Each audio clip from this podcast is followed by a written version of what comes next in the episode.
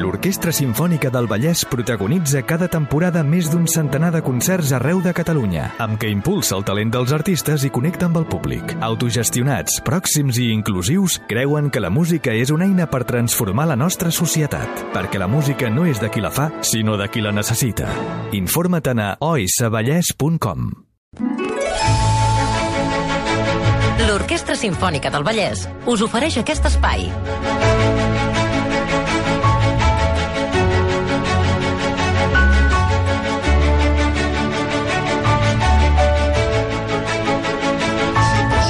6 de la tarda, 8 minuts. Eh, Ramon Gené, que ja aterra a l'estudi de RAC1. Escolta, has fet una, una fotografia... Uh, Xula, eh? Aquesta és, Ara, de... ara li diré... és difícil fer fotografies originals en aquest estudi, perquè Ara li passo la- Hola. més fotografiat... Ara li eh, passo a la Xènia perquè la publiqui. Sí, sí. Bueno, no sé, és una ronqueria, però... No, no, però està molt bé. És una en panorama, en panoràmica, no? Sí, Una fotografia sí. panoràmica. Aviam, Xènia, Xènia, Sí, WhatsApp, Busca, busca. Següent... ja està. L'X.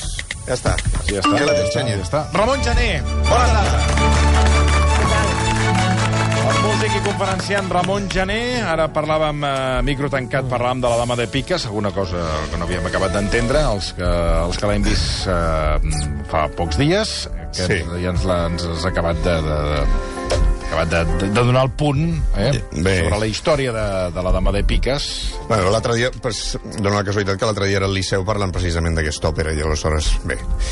Bé, és una òpera que val molt la pena, eh, perquè li, pel que li agradi l'òpera, i el que li agradi sobretot... Eh, La música, la sí, música de sí, Tchaikovsky. la música de Tchaikovsky i sobretot la, la, mm, les posades en escena eh, com d'abans. Mm. Ah, exacte. Ara, Saps? tradicional. A Això vostè sí li que agradaria bonic. uns decorats, Home, senyor claro. Virgili? Saps allò, uns decorats que De fan patxoca? cara. Fa allò que Home. fa, fa, fa, Bueno, que- si ho veus, dius, això fa patxoca. Exacte. Sí, Home, sí. ja estic tip de veure baditonos i que- asseguts als vàters i fe- fent No, bestieses. no, un decorat, un decorat que d'aquells de... Que per moure allò, no, no, per no, moure no. el decorat, Ramon, eh, a veure, hi ha, hi ha feina, per, eh? i, i, per això, de parar, i, per eh? això, I per això hi ha aquests entreactes que són una mica llargs, Home, perquè- perquè, s'ha de canviar tot allò. Home. I allò, vull dir... Però allò pesa, pesa. Moure, moure allò costa, Sí, sí, sí, costa pesa, estona. pesa, costa estona. pesa. Sí, sí, sí. sí. Bé, avui el Ramon Gené eh, ens ha preparat una secció una mica diferent. Sí, una mica. Eh, agafa un punt de partida, que és l'exposició que s'està fent al Museu Nacional d'Art de Catalunya, molt recomanable, des d'aquí insisteixo, molt recomanable Sí, per, molt. evidentment,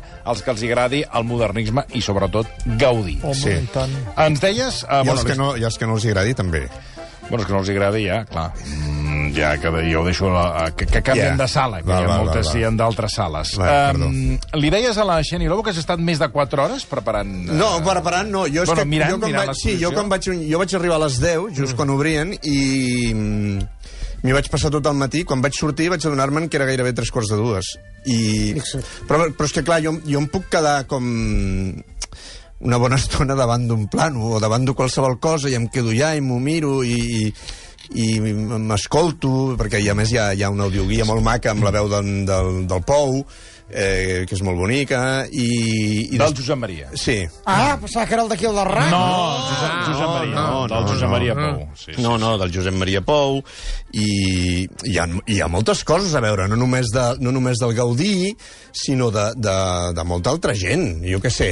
Eh... El Gaudí que va feia, va, tenia molts projectes en aquesta exposició, ho Sí. veus? Molts projectes Sí. que no es van portar a terme, molts, Sí, moltíssims. sí. Per exemple, unes fonts a la plaça Catalunya. Sí, Una... és que de fet comences, i quan comences i entres a la dreta hi ha, un, hi ha tot un apartat que és que són com els seus primers projectes, Ah. les seves primeres idees, tot, i unes coses increïbles, Increïbles, que jo increïbles. no coneixia i No, vaig jo quedar tampoc. tot bocabadat de veure... I dius, I després ho dissenyava tot. Feia, O sigui, per exemple, feia poms al porta. Sí, tot, tot. Mobles, Sí, cadires. sí, sí, o tot, sigui, sí, sí. no Tot. només el que és un edifici, sinó ho dissenyava. És, és una meravella, Sí. és una meravella. La, la casa és sempre que, Sí. que passo per davant, no puc, no puc passar per davant i ja.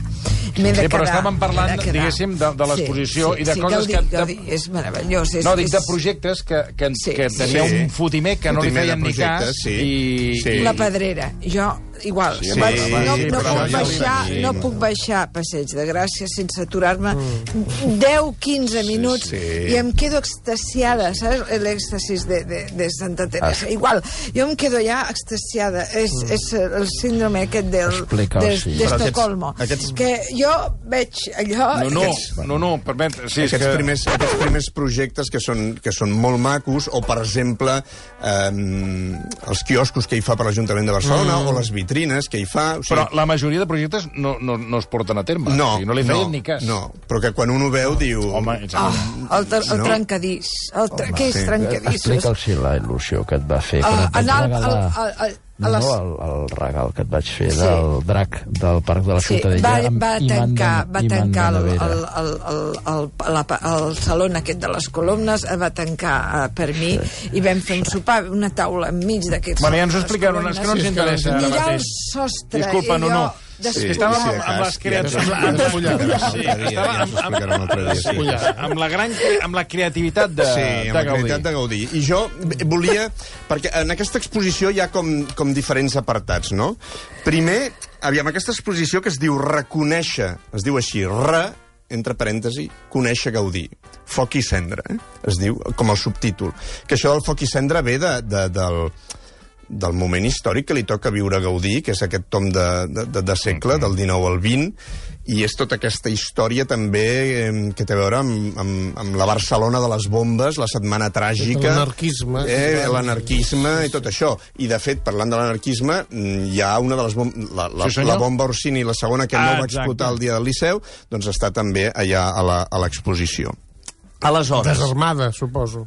Sí, Sí, home, sí, sí.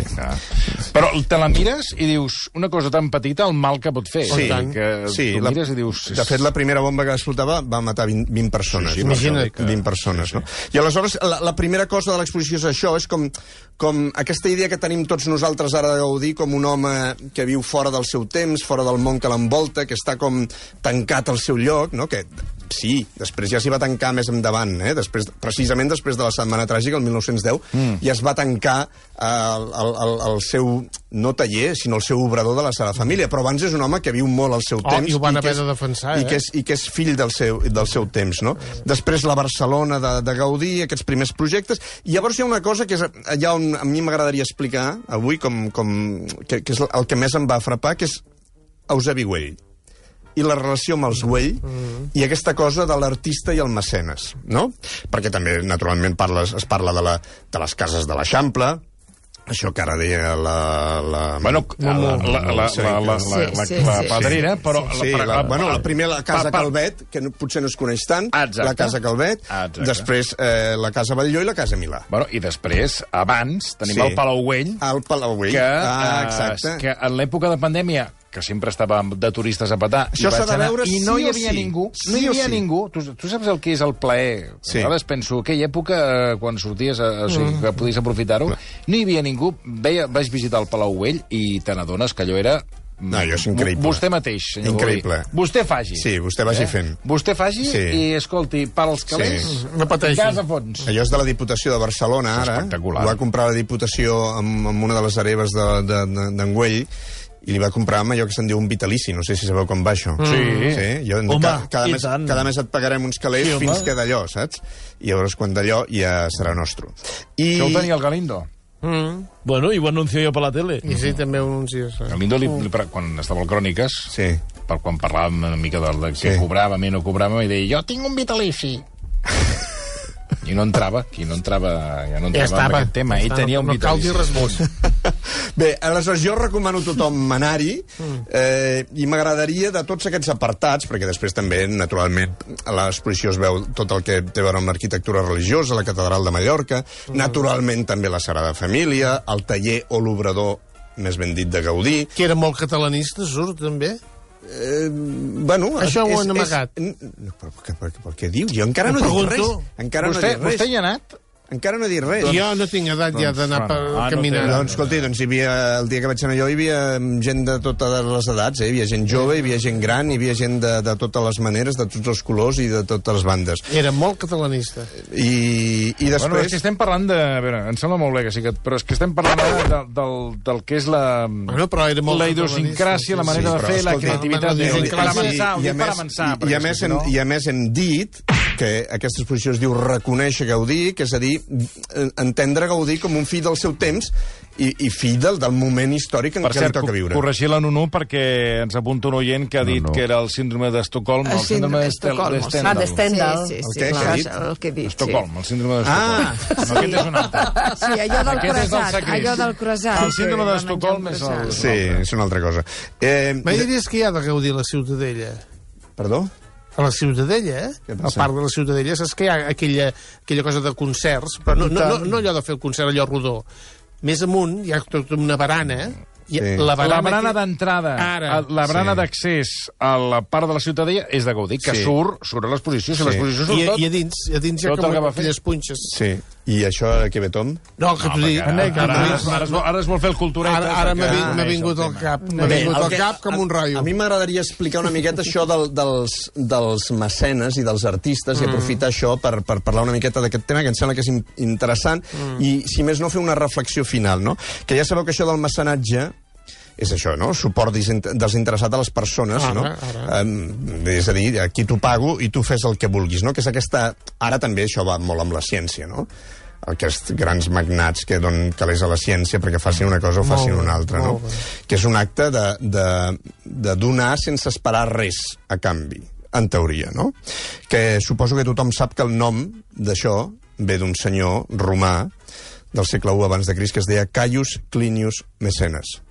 No ho conec. No sabíem això? No, no, no, no aquest, ho sabia. Aquest era un Bueno, personatge, jo no ho sabia. Aquest era un personatge No molt, molt, no conec. molt dels ambients culturals de Roma Sí que sabia, sí. que estava que era, eh, era, era molt amic del César August i era un home que era molt fan fan, avui en podríem dir com fan, eh, d'Horaci i de Virgili. I era un home que va ser com el primer eh, diguéssim, eh, d'on ve el nom, no? perquè va, va recolzar molt a Virgili i va recolzar molt a Horaci. No? I després d'aquest període, de, de, de, de Roma, arriba l'edat mitjana. En l'edat mitjana és l'únic moment on... Clar, és la- l'Església és l'única que té, diguéssim, capacitat per exercir algun tipus de mecenatge, ja sigui artístic o cultural, no? perquè, clar, la- l'Església té el monopoli de totes les activitats pràcticament intel·lectuals, no? I després arriba la baixa edat mitjana, segles XII, XIII, XIV, l'inici també del, del Renaixement, allò que se'n diu el Quattrocento, al segle XV, que suposa com el, el primer esclat del primer mecenatge civil, no? que són les famílies aristocràtiques, les institucions polítiques, els ajuntaments, les socials, els gremis, les monarquies també, que són les primeres que comencen a pensar en pagar a l'artista, però encara no hi ha aquesta cosa totalment desinteressada. És a dir, pagarem perquè Però a facis canvi una obra, cosa. Però a canvi, per exemple, pinta'm dins del quadre.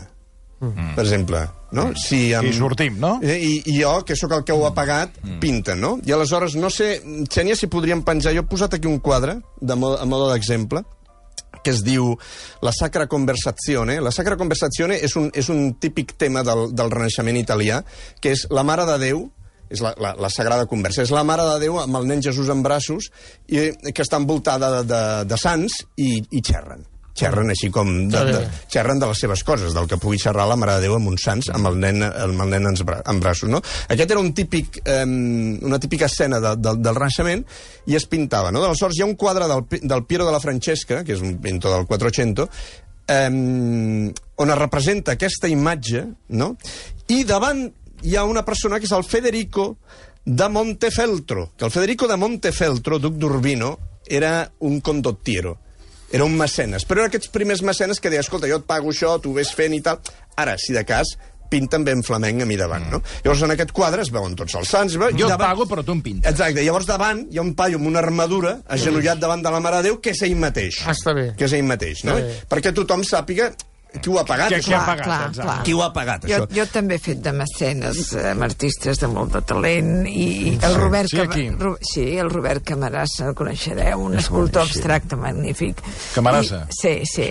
I, i, I té una manera de fer a les mans i pues, eh, a mi eh, eh, sempre m'agrada, bueno, sempre em demana Però si això, eres vostè, mi musa, vostè això ho fa desinteressadament, no? Sí, sí, jo ho faig desinteressadament mm. i perquè... i No ho feia com tant- aquest duc Rubino, que es no. feia pintar no, també dins. No, a mi m'agrada recolzar els artistes. Robert Camarasa, no- no- Ro Robert sí. Camarasa, sí. I llavors sempre m'ha dit, tu eres mi musa, tu eres mi musa. I he posat algunes vegades, a mi m'agrada eh, també pintors... Però no ha posat, l'ha posat, per, vostè. per Camarasa no, però Ja. per, per exemple el Xavier Ribalta sí, he fet varios, varios desnudos, semidesnudos també, jo, Des- amb una desnudos, gassa, amb una desnudos. gassa, amb una gassa que s'acaba de veure una mica al Fas de pit. mecenes amb eh, aquest pintor. Sí, sí. Té anomenada aquest pintor o no? Xavier Ribals, moltíssim. Aquí, no, aquí potser no tant, però Ah, penso que- internacional, però això ja me la conec, Eh. França, Sí, sí, a- molta- Anglaterra, a tot el que és eh, Canadà... Per cert, El Benelux, el Per cert, Benelux. que aquest duc, Benelux. per cert, que aquest duc d'Urbino que surt al quadre, si el veieu, aneu a les xarxes, Sí, el ara veieu, aquest ara ja que, està, amb- tenim, sí. que està amb l'armadura aquí mm. era allò que se'n deia un condottiero. Sabeu què era un condottiero? Condottiero era un mercenari. Sí, sí. Ah, Era, era, era un tio que tenia un exèrcit mm. que ja el pagava i aleshores jugava a l'exèrcit doncs, a les diferents ciutats-estats, perquè clar, ara tu penses en Itàlia, i Itàlia és tota una cosa, però abans era, jo sé, el ducat de Parma, els de Gènova, els de Venècia, els dels estats pontificis, i aleshores quan hi havia merder, doncs clar, tota aquesta gent no tenien un exèrcit, i havien de jugar en algú, Ah. i aleshores trucaven amb un condottiero d'aquests i li deien, escolta, juguem al teu exèrcit, i aleshores ell s'ho jugava i es guanyaven la doncs els d'Ucraïna que vagin trucant al Sí, contactiero no, perquè ho com- tenen, tant. tenen Qui, tenen pelut. qui hem pelut. de trucar? Qui? Els d'Ucraïna. Tenen un contactiero que els hi portin. Sí, Perquè... val, sí, compta'm això dels condot, condottieri, en italià, condottiero en singular. Compta'm això perquè aquests dels condottieri, a vegades, eh, a, a, a meitat d'una guerra, mm. si venien els altres i els hi pagaven més, es canviaven de bàndol. Ja eh? passa, això. Sí, vull dir que això ja passava. I després, eh, tot això, el Renaixement... Fixa't quina casualitat, eh? Estem Sí. parlant de- de- d'art i tal, i hi ha un amic que té una, una, una galeria i m'acaba d'enviar una exposició d'un artista francès, Sí. que no m'hi posa ni el nom, però que ho, està Sí, patant, sí, no, no, després del passo. Ah, De, eh, se, sí. sí. El conec, sí, ja sé qui és, sí. Ja. Sí, sí, sí. Per cert, Àlex, no hem posat... m'he oblidat totalment de posar el primer àudio, perquè... Sí, no l'hem posat. Sí, però és veritat, perquè sabeu allò que sempre dic de, que sempre hi ha una òpera de tot, no? Sí. Doncs de Gaudí també hi ha una òpera. Ah, sí? Que es diu Gaudí, són així. Ah, Fatta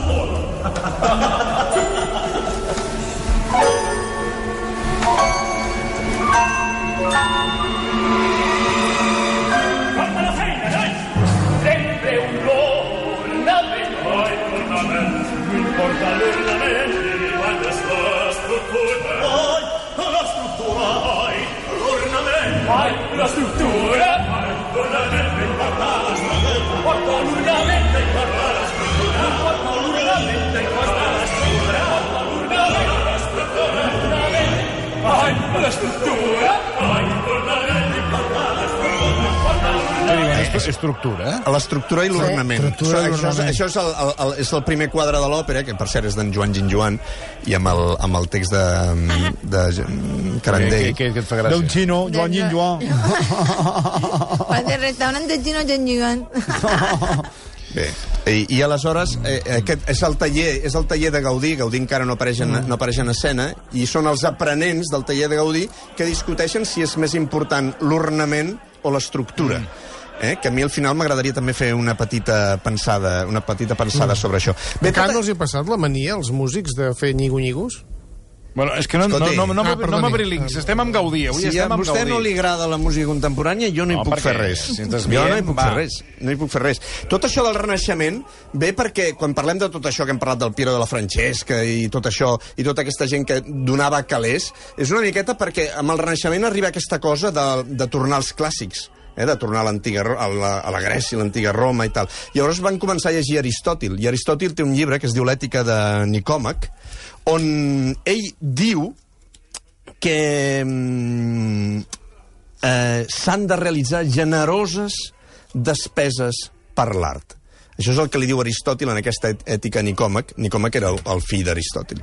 El- el Has seu de deixar anar la mosca per l'art. i has de deixar anar la mosca per l'art. No? I Per això, que... per exemple, eh, la baronessa Thyssen, no? Eh, vostè, I tant, eh, i a, tant, a banda de comprar obres amb el baró en el seu dia, Sí, ara, doncs, les cedeix, aquestes obres. Sí, los, sí, sí, sí, Per- sí, es, es decir, son todos los que son las Per ser- artes. Sí, sí, sí, sí, sí, sí. Què diu? Sí, Què diu? Porque Que sí, em fa l'efecte que diu que sí. Sí. Per, per cert, per, muchas per cert, baronessa, a, a, Sí. a l'exposició Sí, sí, sí. d'en Gaudí hi ha un Sí. quadre de la baronessa.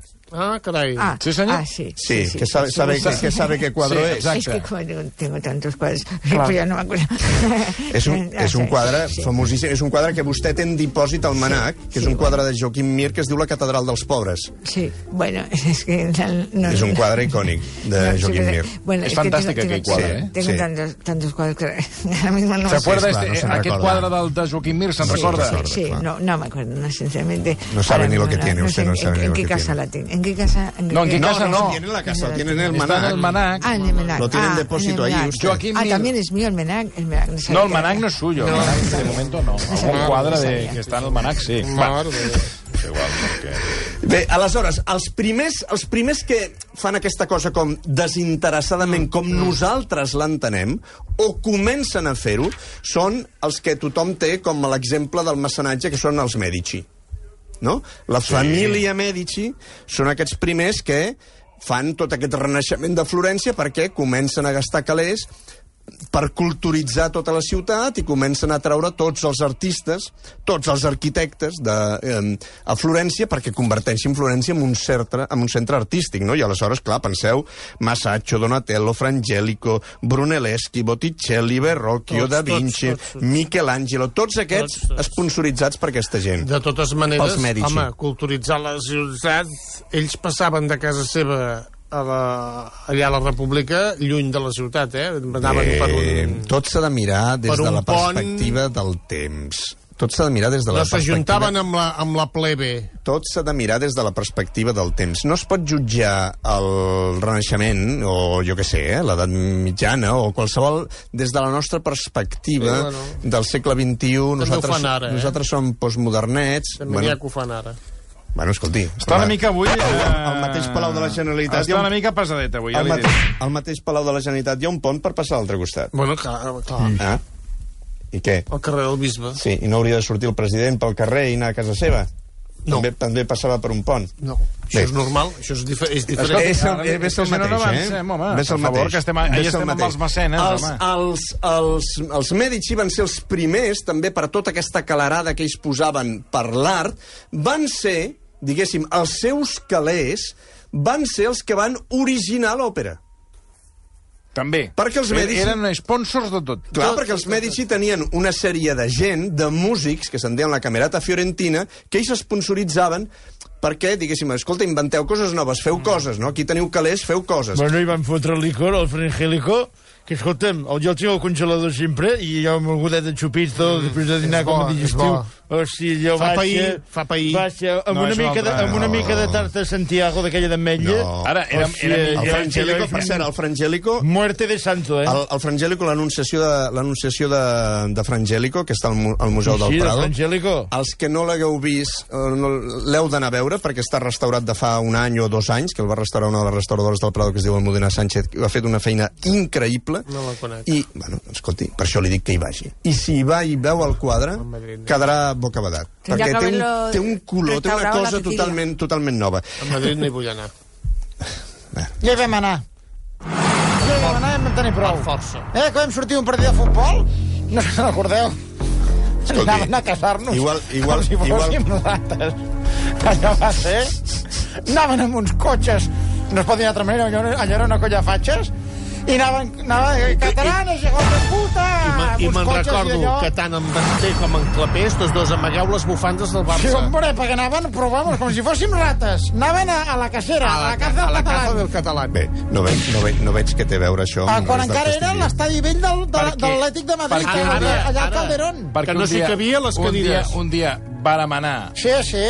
a, veu, a veure, no, a, a la, la final de la Copa De la del Rei, Rei. Atlético de Bilbao. L'última del Guardiola. Barça, eh, era l'última del Guardiola, i al sortir... Sí, sí, anaven a Ah, el. Catalanes, I ells- hijos de puta! Un, I han anat un cop i tenen aquest record. Sí, sí. Si ha de ser d'anar més sovint. Madrid, Ja. Madrid no representa... No, no, no, ja sí, anaven a casar-nos. Sí, sí. Bé, Nosaltres no. allà, jo, bueno, jo anava aixecant la mà dreta. Bé, ja, ja estaria? Sí, ja està, ja està. Va. I els... O sigui, tot això de l'òpera neix perquè eh, els Medici tenen aquesta gent i, i, i clar, aquesta gent comencen a estudiar, se n'adonen que l'antiga Grècia la gent cantaven mentre feien teatre i neix tota aquesta cosa de l'òpera. Aleshores, jo voldria posar-ho simplement pel fet de gaudir d'un trosset de música que potser fins i tot li agrada al senyor Marcelí. Traiem el Gaudí del Gin Joan, sisplau. Sí, per favor. I, mm, I en comptes de posar-vos, doncs jo què sé, la primera òpera que es va fer, què tal, que fa 15 dies vam dir que us, us en recordeu que era sobre el mite d'Orfeu i Eurídice i tot això, Eh? Posar-vos un fragment d'òpera. Un fragment d'òpera del segle XIX, eh, no, perdó, ja del segle XX, però és una música molt maca i que També feia òpera, és una, és, Silenci, és una va. música que ha arribat fins avui, diguéssim, gràcies a que en ple Renaixement els Medici van pensar en fer una cosa diferent, va néixer l'òpera, l'òpera ha anat evolucionant fins, per exemple, aquesta música. I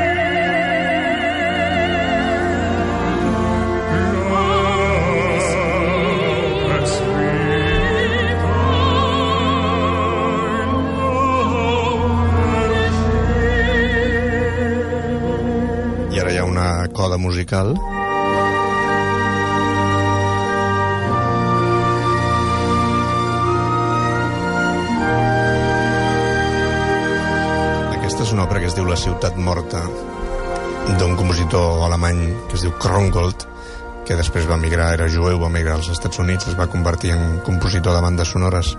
I, i aquesta és una òpera preciosa, es diu La ciutat morta, i parla d'un senyor que perd la seva dona, i després un dia anant pel carrer troba una, una altra dona que és exactament igual que la seva dona. Exactament igual.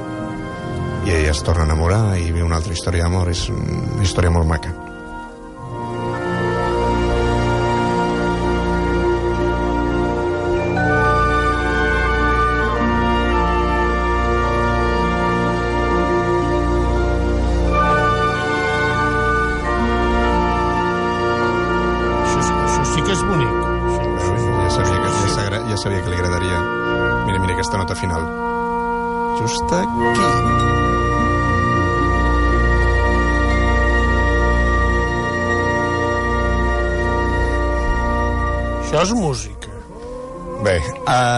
Tot això del mecenatge segueix amb una altra cosa que se'n diu el col·leccionisme.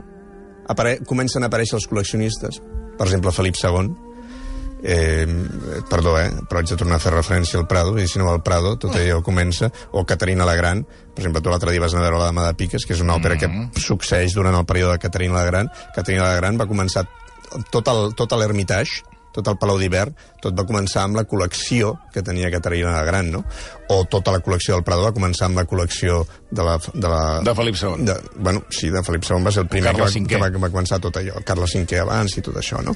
El col·leccionisme. Després hi ha una altra relació que és típica de mecenes i artista, que és la relació entre Lluís II de Baviera i Wagner que és eh, Lluís II de Baviera és un enamorat de Wagner i Wagner quan està a l'exili, perquè Wagner està a Zurich, perquè ja no pot estar més als regnes alemanys, perquè l'han expulsat de Dresde, després de les revolucions burgeses del 1848, doncs ella es troba a Zurich i què li passa? Quan ja, ja està amb una banda davant i una darrere, que sembla que no, li, no podrà tornar mai a casa, arriba el rei, li posa tots els calés que vulgui, li diu, pots tornar a casa, Fixa't. vine, vine a Munic, que et deixarem fer tot el que vulguis, et Molt posarem bé. la casa que vulguis, et pagarem un teatre per tu i podràs viure i fer el que et dongui la gana. Molt bonic. Eh? I aleshores Wagner pot fer moltes de les coses que fa gràcies al mecenatge del, Del rei, rei. del rei Lluís II, que mm, val a dir que també n'estava una miqueta penjadet Mm. a, nivell, a nivell personal. Eh? A nivell Que cosa, personal. cosa. Però si vosaltres escolteu, per exemple, això...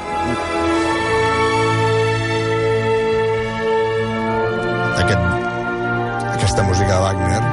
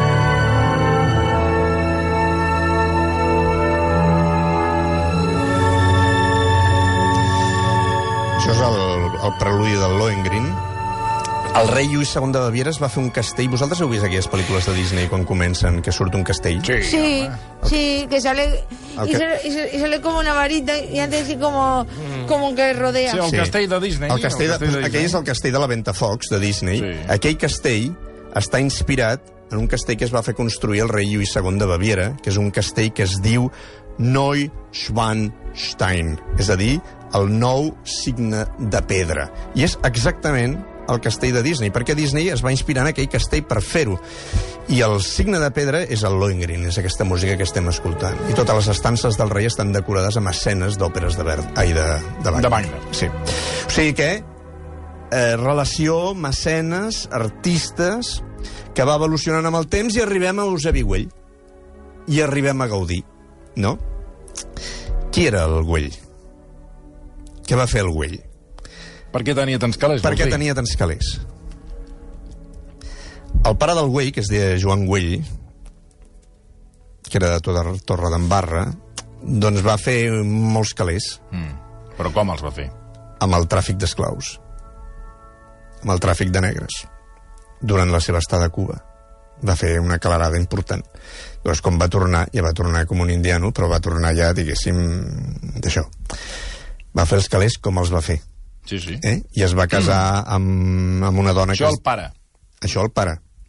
Es va casar amb una dona que es deia Francesca Bacigalupi, que era, era, tenia de la noblesa italiana, em sembla que era de Gènova, tot i que ja hi havia nascut a Barcelona, i, la, i es va juntar amb aquesta família italiana que tenien negoci ja a Barcelona i van, i van tenir doncs, fills. I, Sí, sí. I el, un d'aquests fills era L'Eusebi. era, era no? Que l'Eusebi es va casar, l'Eusebi es va casar amb la Isabel López, Ah, la filla del Comilles. la filla del Exacte. Comilles. Un altre dels La filla del traficants Comilles, d'esclaus. que pels que no ho sapigueu, si vosaltres baixeu la Via Laietana fins baix de tot, i esteu a baix de tot, a la dreta hi ha Correus. Sí, senyor. Sí, eh? O Correos, Sí, sí, que cor- se, se n'hauria de dir Correos, que, per perquè cert, és una marca comercial. recomano entrar un dia i mirar... Sí, la... és brutal, Sí, sí. brutal. I a la El- dreta... La vidriera que hi ha al Sí. sostre de Correus. I a l'esquerra hi ha una altra plaça, que si no, és- no sé si ho heu vist, hi ha un pedestal. I a dalt del pedestal no hi ha estàtua. I, i era. Ni era. Fa Però- dos anys la van treure. La van treure fa un parell d'anys, perquè aquella és la plaça d'Antonio López i López. Exacte. Eh? Llavors un dia va haver uns... Plaça ve- del, Mar del Marquès de Comillas. Sí, va haver un dia uns veïns que van dir qui és aquest home? I es van preguntar qui era aquell home i quan es van assabentar que aquest marquès de Comillas, Antonio López i López, doncs també havia fet tots els seus calés amb el tràfic d'esclaus, doncs van decidir que potser era millor treure, treure l'estàtua. I ara no hi ha estàtua, però hi ha aquest pedestal. Doncs bé, gràcies a aquest marquès tenim les obres de Verdaguer. per exemple, és que tot, tot és polièdric. O sigui, les coses no són sempre només blanc o negre, són de moltes maneres. Eh, per exemple, el senyor Marcelià ha dit això, però ara parlarem de tot el que va fer Gaudí gràcies a en Güell. I ara, nosaltres, i tu deies abans, hòstia, el, durant la pandèmia me'n vaig anar al, al Palau Güell i vaig veure el Palau Güell i tal, què, vas al·lucinar amb tot allò. Bueno, ho va pagar el Güell. I el Güell va dir, aquí tens tots els calés del món i aquí tens el solar. Fes el que vulguis. I ara nosaltres tenim això, ho podem ensenyar al món i n'estem cofois. Ara, d'on va treure els calés el Güell? Com els va fer? Bueno, després, clar, va fer molta indústria, tota aquesta indústria textil i la colònia Güell i tot això, oi? Bueno, però a mitja Europa és així, eh? Oh, esclar, esclar, per això dic que, eh, que nosaltres estem al segle XXI, mirem les coses des del nostre prisma, des de la nostra perspectiva, des, de- des de la nostra societat i els valors de la nostra societat amb la que vivim ara, després d'haver passat per la il·lustració, per, bueno, pel Renaixement, pel Barroc, per la il·lustració, etc etc etc, fins a arribar a la postmodernitat, i aleshores nosaltres jutgem les coses. Però les coses són de moltes maneres diferents, sense justificar res, però intentar trobar una mirada històrica de les coses, no? I aleshores, gràcies a aquesta relació d'Antoni Gaudí i, i el Güell. tenim, per exemple, la primera cosa que va fer va ser el 1883, Gaudí va iniciar un projecte de construcció de pavellons d'entrada a la finca que els Güell tenien a Pedralbes. Després del 85, aquest Palau Güell, que, com hem dit, ara és propietat de la Diputació de Barcelona. El 1898, el Parc Güell, no? Que es tractava de construir una ciutat-jardí a les afores de Barcelona. Clar, aleshores era allò era a les Mil- afores de 1900, Barcelona. disculpa. 1900. Uh, el Parc Güell, 1898, la colònia La Güell. colònia Güell, 1198, la colònia Güell, exacte, està aquí a, a Cervelló, que bé, ell, ell va fer tot el perímetre i va fer la cripta, que no sé si ho heu estat mai. Mm.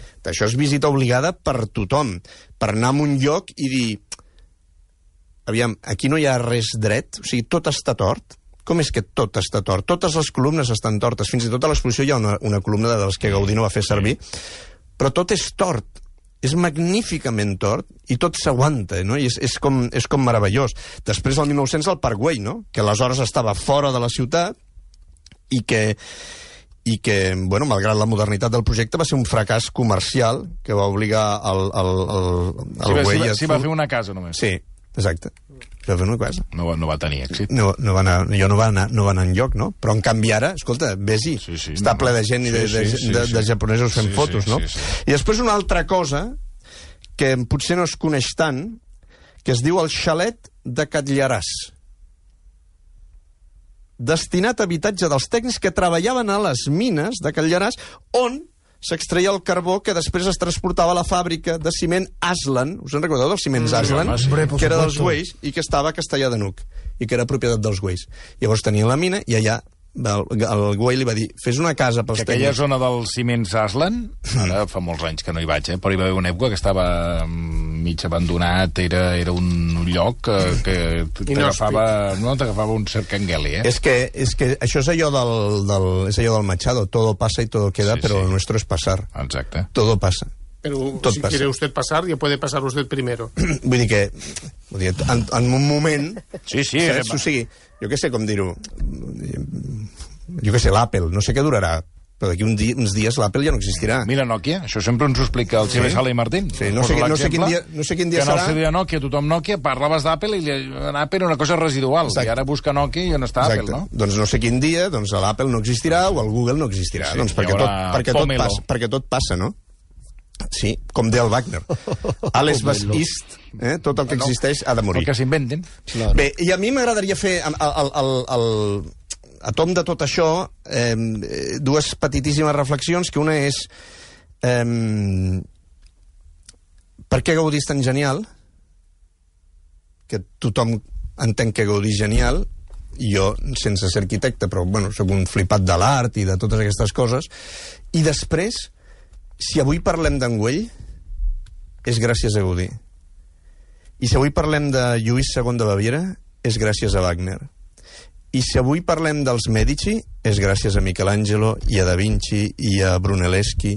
I si avui parlem de tanta i tantíssima gent, i avui hem parlat d'aquest condottiero que va fer aquest sí. quadre per Piero de la Francesca, és per Piero de la Francesca, no? I aleshores és, els que no tenien ni un duro però que eren els artistes, són els que gràcies al seu art han passat a la història i han transformat les coses, i els altres, que són els que posaven els calés, sí, van transformar unes quantes coses també, oi? I van fer moltes coses. Però sense la transcendència que té en si mateix l'art. No? Llavors em sembla com una cosa bonica de pensar que el mecenes va fer possible que l'artista s'expressés i l'artista és el que roman en el temps. I quan ens en recordem del mecenes és només per l'artista, perquè si no ningú parlaria Ah, del mecenes, no? I aquesta em sembla una, una cosa bonica. I després, sobre, sobre Gaudí i aquesta, aquesta història de Gaudí que a mi m'agradaria resumir amb la, la, la cosa que hem escoltat al principi en aquesta òpera que es diu Gaudí que, que parlen sobre l'estructura o l'ornament, no? L'estructura, l'ornament, i decideixen què és més important, l'estructura o l'ornament, no? I aleshores, a mi el que m'al·lucina de Gaudí, per això m'estic allà quatre hores com un beneit, mirant coses i mirant quadres i mirant fotos i mirant, mirant una reixa o mirant un, un no Un sé... moble. És aquesta, aquesta, aquesta, com dir-ho, habilitat que ell té per convertir l'estructura en el disseny. Per convertir l'estructura de la forma més lleugera possible Ara no, no cal que comencem a parlar de catenàries i de paràboles i tot això, no? I arcs i com ell fa les coses. Però com, és, com ell és capaç de calcular una estructura amb el menys de material possible, però no només ho fa perquè sigui tècnicament perfecte, sinó que ell és capaç de calcular l'estructura amb el mínim material possible perquè això en si mateix esdevingui un disseny original. I és com posar la matemàtica al servei de l'art perquè totes dues coses es fusionin, no? De tal manera que tu ara te'n vas ara a les golfes de la Casa Milà o a les golfes de la Casa Batlló o te'n vas a la cripta de, de, de la colònia Güell o veus les, les columnes fractals de la Sagrada Família i són catenàries perfectes, són paràboles perfectes que pràcticament amb poquíssim material, o molt menys material del que qualsevol altre arquitecte faria servir, és capaç de fer que tot s'aguanti, però que al mateix temps tot sigui una expressió, una expressió artística, no? I per acabar, i parlant dels Medici, m'agradaria posar un dels artistes que els Medici van sponsoritzar, aquests de la Camerata Fiorentina, i posar una música suposadament d'un d'aquests artistes que els Medici van sponsoritzar, que és, és l'Ave Maria de Giulio Caccini, que és aquesta música que sona així.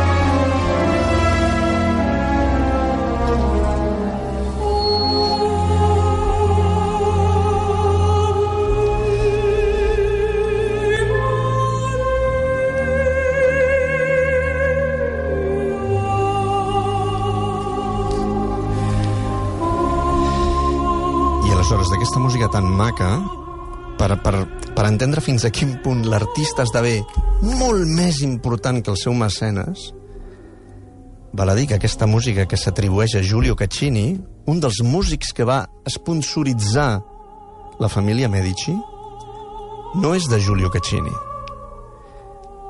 sinó que és d'un compositor rus del segle XX que es diu Vladimir Babilov i que era un músic que es dedicava a escriure músiques i atribuir-les a altres compositors. I aleshores hi va fer aquesta Ave Maria, que és preciosa, que em sembla que canta la Elina Garanxa.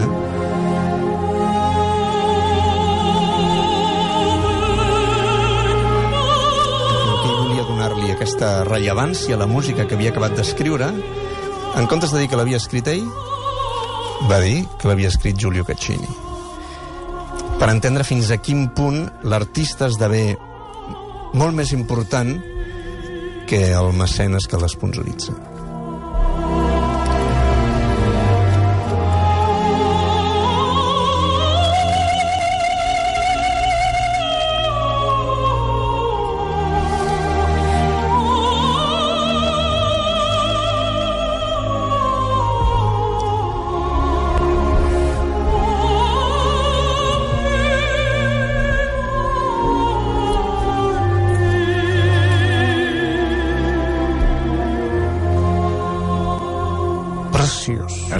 Això sí, estava convençut que per vostè seria preciós.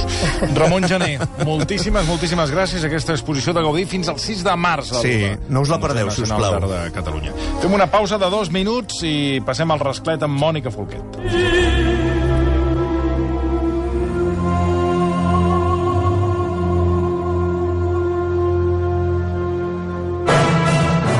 L'Orquestra Simfònica del Vallès protagonitza cada temporada més d'un centenar de concerts arreu de Catalunya, amb què impulsa el talent dels artistes i connecta amb el públic. Autogestionats, pròxims i inclusius, creuen que la música és una eina per transformar la nostra societat, perquè la música no és de qui la fa, sinó de qui la necessita.